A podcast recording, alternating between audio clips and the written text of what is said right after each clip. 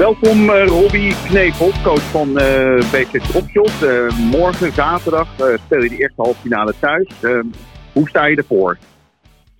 Ja, dus, wij zijn heel erg positief en proberen ehm, de wedstrijd met de spelers die wij op dit moment hebben, om, het, um, om goed resultaat neer te zetten. Um, ik heb alle spelers gisteravond gesproken. Iedereen is zeer gemotiveerd om de eerste wedstrijd wat neer te zetten. Um, met de spelers die we nu hebben. En misschien dat er uh, zondag een iets andere opstelling uh, gaat plaatsvinden. Maar voor zaterdag, als we er nu voor staan, denk ik dat we een goed resultaat neer kunnen zetten. En zal, het, zal de wedstrijd snel beslist worden? Wil je het gelijk in het begin uh, gelijk wat neerzetten of zal dat lastig zijn? Um, we proberen in het begin wat punten te halen. Maar daar ben ik nog even aan het dubbel wat, uh, wat, wat, de mogelijkheden zijn. We hebben een aantal mogelijkheden, met, met name om in de heren dubbel en de dames te beginnen. Dus ik kan een aantal combinaties kan ik neerzetten. En daar ben ik nog even eh, mee bezig om te kijken van wat is nou, uh, wat is nou het handigste die er gaan spelen. Het kan een verrassing worden.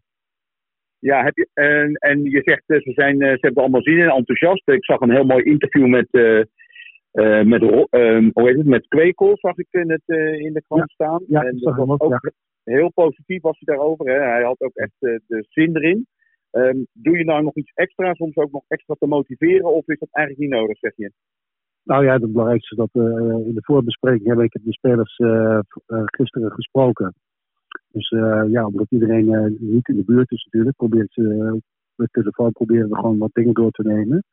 En ik heb het gevoel dat iedereen er heel positief in staat. En hoe, hoe ze moeten spelen en wie ze gaan spelen, dat maakt je uit. Ze gaan er gewoon 100% voor. Ja, ja. En je hebt, uh, je hebt wel altijd te dealen met uh, spelers met allerlei uh, verplichtingen elders. Ja, dat, um, ja, dat is natuurlijk altijd lastig, want je hebt niet altijd de beschikking over ze. Eh, maar heb je wel het idee dat iedereen nu ook fit is, als je zo die gesprek hebt gevoerd? Degenen die, die gaan spelen, die er, die er zullen zijn, zaterdag, die zijn in ieder geval uh, fit. Zowel uh, fysiek als mentaal. En kijk, dat is natuurlijk, dat laatste is ook vrij belangrijk. Want ik uh, denk dat, het, dat dat een heel belangrijk, een heel belangrijk aspect is, dat het mentale gedeelte, dat we de spelers er goed op zitten. Vandaar dat ik gewoon met ze nog een keer een gesprek ga hebben en kijken dat ze zich vrij uit moeten spelen. En maar geef maar wat je hebt. Ja, want dat is denk ik wel een verschil met Duinwerken als je kijkt naar de spelersgroep. Wij hebben wel uh, in Dropshot zitten we wel wat met wat jongere spelers, denk ik. Die wat minder ervaring op hoger niveau. Ja, dat, maar ik vind wel, uh, met name de jonkies, die zijn wel gegroeid de afgelopen periode.